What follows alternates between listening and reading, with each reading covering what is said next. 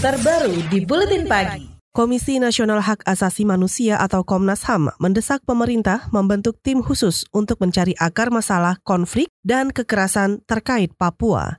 Ketua Komnas HAM Ahmad Taufan Damanik mengatakan, pemerintah sampai saat ini belum menangani masalah Papua secara intensif dan terintegrasi. Taufan juga mengatakan kasus Papua sangat ruwet dan tidak bisa diselesaikan secara terpisah-pisah. Jadi saya tidak mengatakan bahwa Presiden tidak tidak melakukan upaya dialog dengan berkali-kali berkunjung ke sana, memberikan prioritas pembangunan tertentu, itu kan bagian dari ingin membuka diri, berdiskusi, berdialog dengan uh, berbagai pihak yang ada di Papua. Tapi itu aja kan belum cukup, karena itu saran kita adalah mengintensifkan, kalau perlu membentuk tim khusus untuk itu, gitu. di bawah arahan Presiden langsung. Itu tadi Ketua Komnas HAM Ahmad Taufan Damanik. Sebelumnya, situasi di sejumlah daerah di Papua memanas dan diwarnai kerusuhan. Kondisi itu dipicu protes dan ketidakpuasan terkait insiden pengepungan dan dugaan rasisme dari kelompok tertentu terhadap mahasiswa asal Papua di Surabaya, Jawa Timur pada akhir pekan lalu. LSM Komisi untuk Orang Hilang dan Korban Tindak Kekerasan Kontras menilai kasus-kasus kekerasan dan diskriminasi terhadap masyarakat Papua sudah lama terjadi dan terus berulang. Koordinator Kontras Yati Andriani mengatakan diskriminasi terhadap masyarakat Papua terjadi pada isu-isu politik, ekonomi, dan sosial budaya. Bahkan kebebasan berpendapat dan berekspresi mahasiswa asal Papua juga dibatasi terkesan masih ada satu pembedaan terhadap masyarakat Papua, terhadap warga Papua karena ras mereka adalah Papua, karena etnis mereka adalah Papua. Kenapa saya bilang begitu? Aksi Kamisan gitu di itu di, di mana-mana biasa saja, tapi di Jayapura itu dilarang. Atau misalkan aksi-aksi mahasiswa di tempat-tempat lain itu biasa, tapi kalau yang aksi atau yang berkumpul atau yang menyampaikan ekspresi mahasiswa Papua maka akan ada pembatasan-pembatasan dan pengekangan-pengekangan tertentu. Maka di situlah diskriminasi terjadi. Itu tadi koordinator Kontrasiati Andriani. Sementara itu Direktur LBH Papua Emmanuel Gobay menyebut tindakan rasisme terhadap para mahasiswa asal Papua yang terjadi hampir setiap tahun memicu ketersinggungan masyarakat Papua lainnya.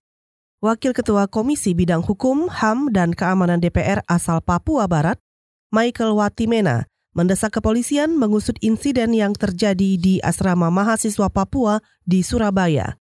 Michael mengingatkan sudah menjadi tugas negara untuk melindungi mahasiswa Papua yang sedang menyelesaikan studi di berbagai wilayah di Indonesia. Kami minta melalui forum paripurna yang mulia ini kepada Bapak Kapolri untuk mengusut siapa yang sebenarnya di balik penurunan bendera atau memasukkan bendera merah putih di dalam selokan itu. Dan juga siapa yang memviralkan masalah ini sampai kejadian Wakil Ketua Komisi Bidang Hukum, HAM, dan Keamanan DPR asal Papua Barat, Michael Watimena juga menduga ada pihak yang memprovokasi dengan muatan SARA di balik pengepungan asrama mahasiswa Papua di Surabaya. Insiden itu juga yang kemudian memicu kerusuhan di sejumlah wilayah di bumi cenderawasih. Sementara itu, saudara insiden yang terjadi di asrama mahasiswa Papua Surabaya di Surabaya sempat memantik aksi massa dan berbuntut rusuh di sejumlah wilayah Papua Barat termasuk Sorong. Meski begitu, menurut pendeta Gereja Bethel Indonesia El Tabernakel Sorong, Yunus Wane, sejak Selasa sore kemarin kondisi di Sorong terus berangsur pulih. Apalagi sudah dilakukannya pertemuan antara masa pengunjuk rasa dengan wali kota Sorong Lambert Jitmao.